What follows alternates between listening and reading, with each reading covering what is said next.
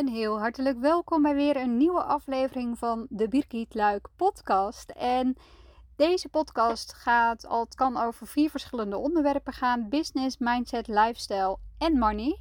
En vandaag heb ik er eentje op het gebied van business en lifestyle. Dus een twee in eentje. Ik denk als ook wel eens fijn.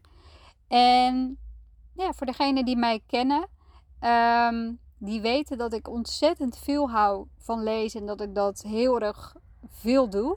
Dus je kunt je voorstellen hoe chagrijnig ik ervan werd van het feit dat ik mijn e-reader ergens in Barcelona heb laten liggen en hem dus niet meer terug heb gekregen.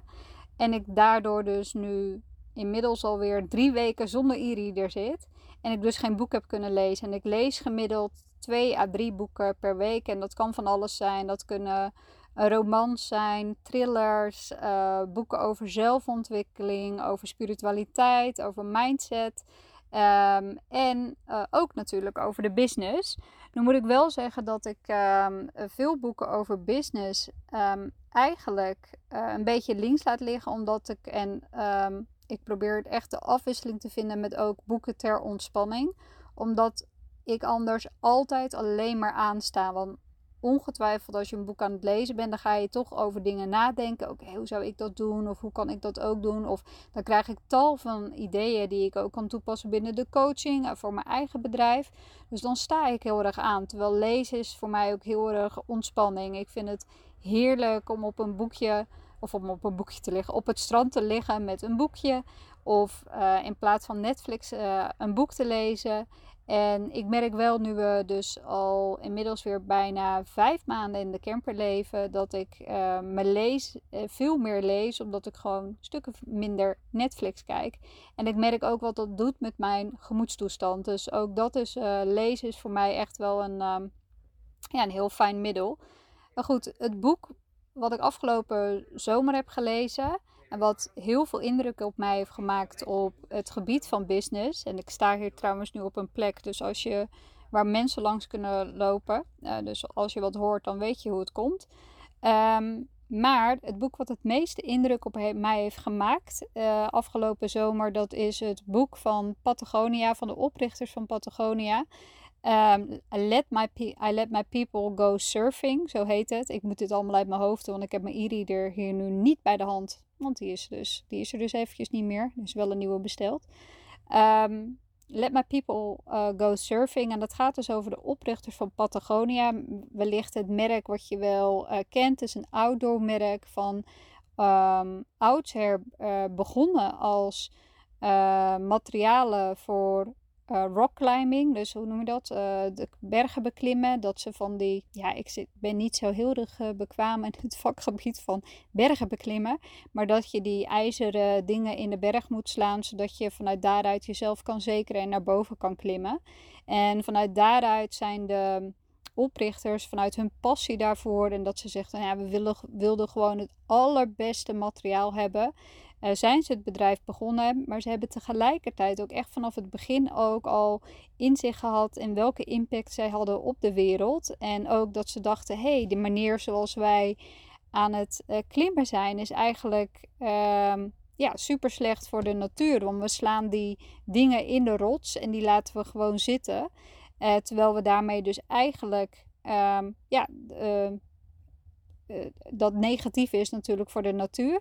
En uh, zij wilden dat dus uh, veranderen. Dus toen zijn ze op een andere manier gaan klimmen, andere materialen gebruikt die je er dus eruit kon halen. En dat je dat dus opnieuw weer ergens in kon bevestigen. Sorry hoor, mijn, uh, zoals ik al zei, mijn bergklimmen skills ontbreken een beetje. Dus ik kan dit wat lastig uitleggen.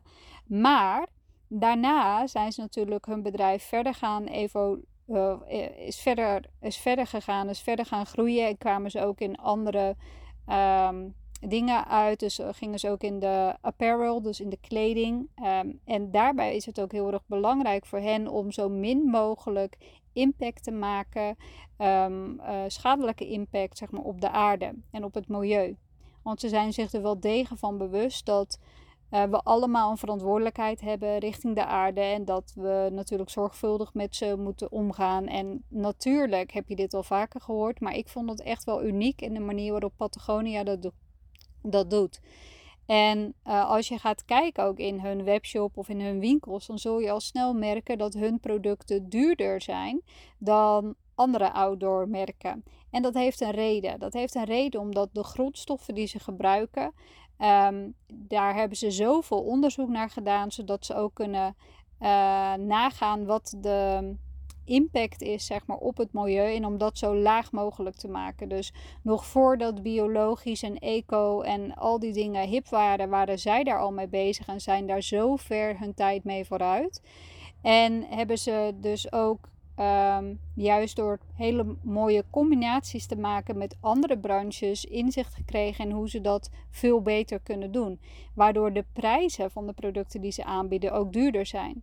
Maar hun credo is ook is dat wanneer je iets koopt van Patagonia, heb je dat niet voor één seizoen. Nee, dan heb je dat eigenlijk voor je hele leven. Want zij willen dat de kwaliteit van hun producten zo hoog is, zodat je geen vervanging hoeft te kopen. En ze doen dus ook niet zozeer aan wat in is of wat trendy is, omdat uh, omdat je dan dus een consumptiemaatschappij creëert. En zij willen eigenlijk een duurzame consumptie creëren. Dus hebben zij dus ook de garantie dat mocht jij um, een product bij hun kopen en het gaat kapot, dan kun je dat dus naar hun terugsturen. Maakt niet uit um, of je dat uh, product al 9 jaar of 15 jaar in je bezit hebt. Als dan ineens de rits eruit, uh, eruit knalt, dan kan je naar hen terugbrengen. Dan repareren ze het voor je.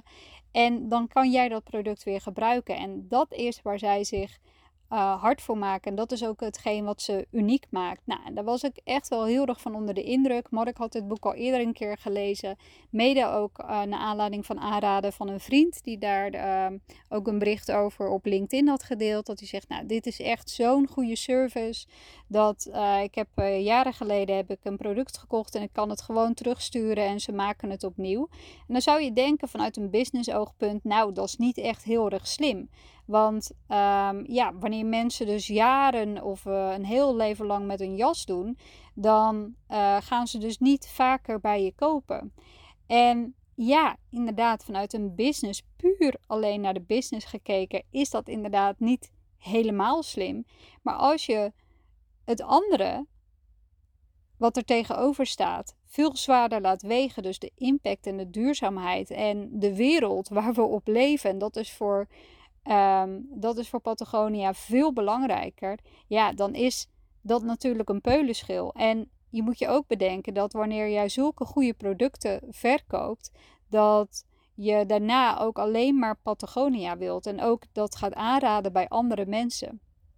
En zij zeiden ook, en dat vond ik wel uh, opmerkelijk om te horen, is dat ze uh, in tijden van recessie ik had het er net over dat hun producten vrij duur zijn. Dus dan zou je verwachten, oké, als er een recessie is, dan gaan hun verkopen achteruit. Maar zij, zeiden, zij zeggen juist, nee, dat is juist andersom. Want in tijden van recessie uh, verkopen wij juist veel meer, omdat de mensen niet gaan voor goedkope producten, maar ze gaan echt voor producten die duurzaam zijn, die een langere tijd meegaan. Ze zijn dan bereid om meer geld neer te leggen voor de producten waar ze dus langere tijd van plezier van hebben. Nou, en dat is precies waar Patagonia voor staat. En uh, nou, als je dat hele boek leest, er staan uh, van allerlei dingen staan er natuurlijk staan er van allerlei dingen in. Dit zijn gewoon even de highlights die ik uit mijn hoofd uh, aan het doen ben. Ik heb hier geen aantekeningen van gemaakt. Um, maar wat mij in ieder geval het meest is bijgebleven. En ook wat ik heel erg mooi vond, is dat zij uh, de 1% Earth Tax hebben.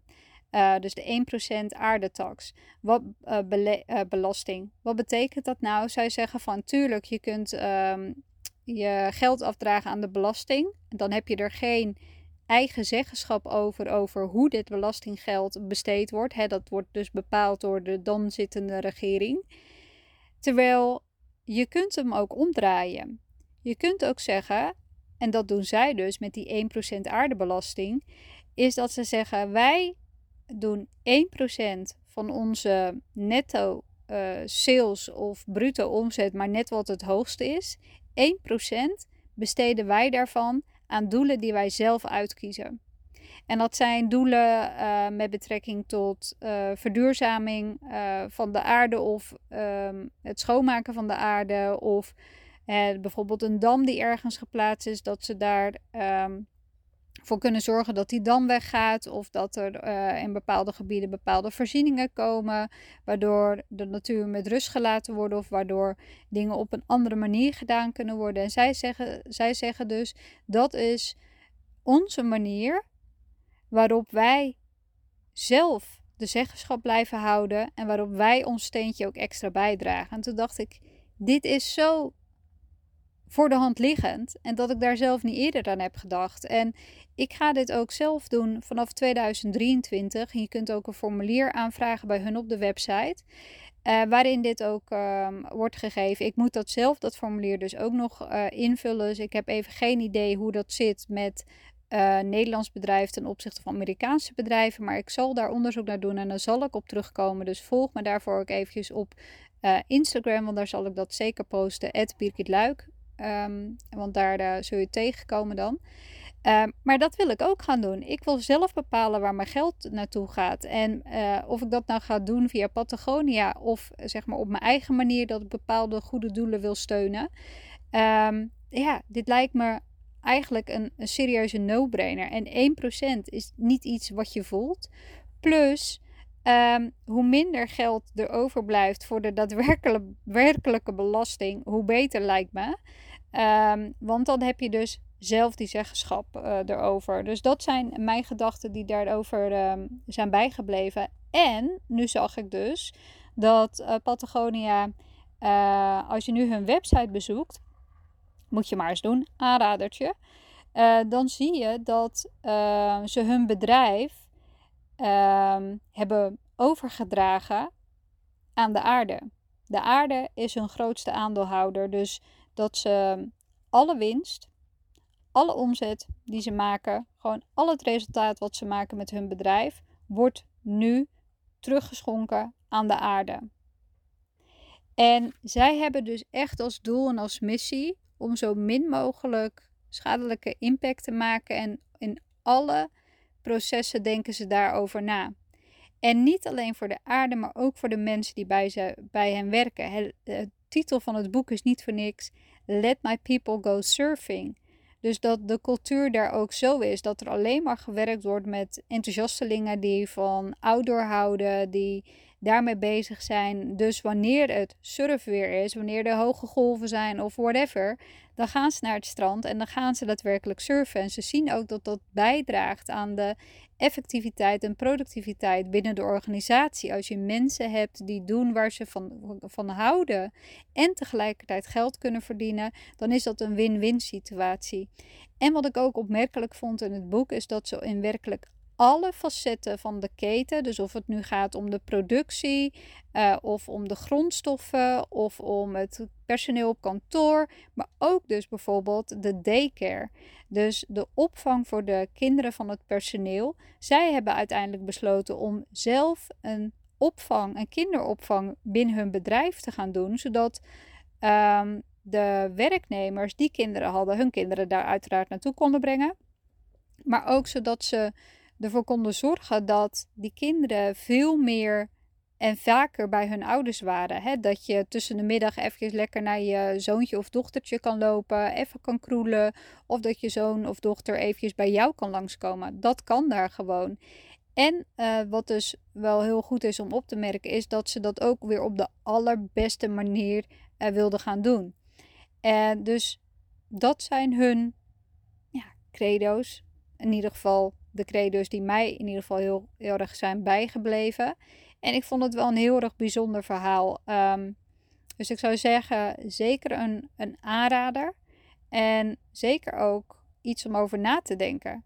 Wat doe jij om bij te dragen aan het milieu of iets dergelijks? En joh, ik uh, maak ook wel wat geld over naar goede doelen. Maar dat is uh, uh, ja, echt een peanut in vergelijking met dit. En terwijl ik wel veel meer impact kan maken. Ik kan dus impact maken door 1% aardebelasting eigenlijk te gaan instellen. Dat is dus wat ik ook ga doen. En ik wil je oproepen om dat ook te gaan doen. Dus denk erover na. volg me op Instagram en zie hoe ik dit ja, ga implementeren voor mijn bedrijf, zodat jij dat ook kan gaan implementeren. En ik zou het echt super vet vinden als we dit met z'n allen kunnen gaan doen. En mocht je hier meer over willen lezen, kijk zeker even op de website van Patagonia. Dan staat het in geuren en kleuren uitgelegd. En wat ik ook nog leuk vind om op te merken is dat wanneer je dan toch op die website bent, dat, dat je dus ook precies kan zien waar jouw kleding van gemaakt is, wat de impact is en Um, ja, zodat je dus ook op die manier kunt bepalen waar jij je geld aan uit wil geven. En aan, um, ja, om dat ook inzichtelijk te hebben. En dit heeft me zeker ook weer wel aan het nadenken gezegd over het consumeren. Um, want dat is iets waar ik ook nog steeds wel een slag in kan slaan. En tuurlijk, we leven in een, uh, in een camper, dus we zijn al heel erg, uh, uh, hebben, hebben we moeten minimaliseren.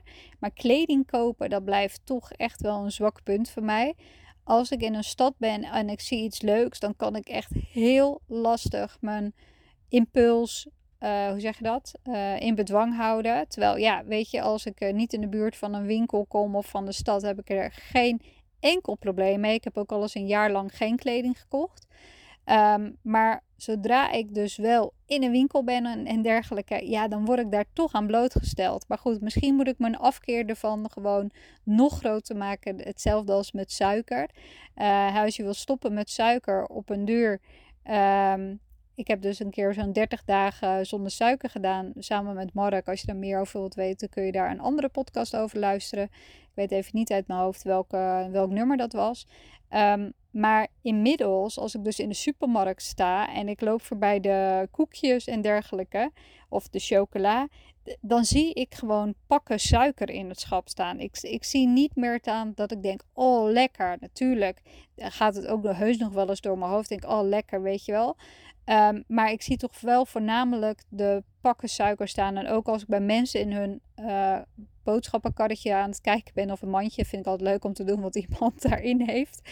Dan denk ik altijd: oh mijn god, je hebt eigenlijk gewoon, uh, zul je nu voor 9 kilo suiker in dat mandje mee? Besef je het wel? En we beseffen het ons geen eens. En dat heeft alles te maken met bewustzijn. En daarom neem ik hier dus nu ook een podcast over op. Niet zozeer over het suiker, want daar heb ik er al een keer eentje over opgenomen. Maar ook over het bewustzijn van het consumeren. Over het duurzaam. En ja, je weet het, we hebben, al, we hebben maar één wereld. Maar wat kan jij doen om op jouw manier de wereld een beetje mooier te maken? Of in ieder geval in stand te kunnen houden, zoals die nu is.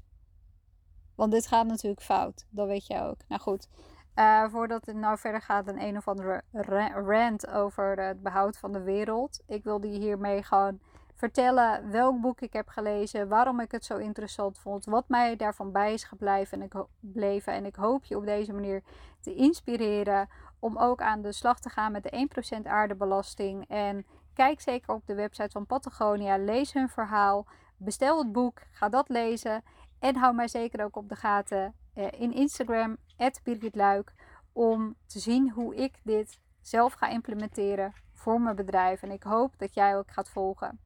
Dankjewel voor het luisteren naar deze aflevering en je hoort me weer snel bij een volgende. Ciao!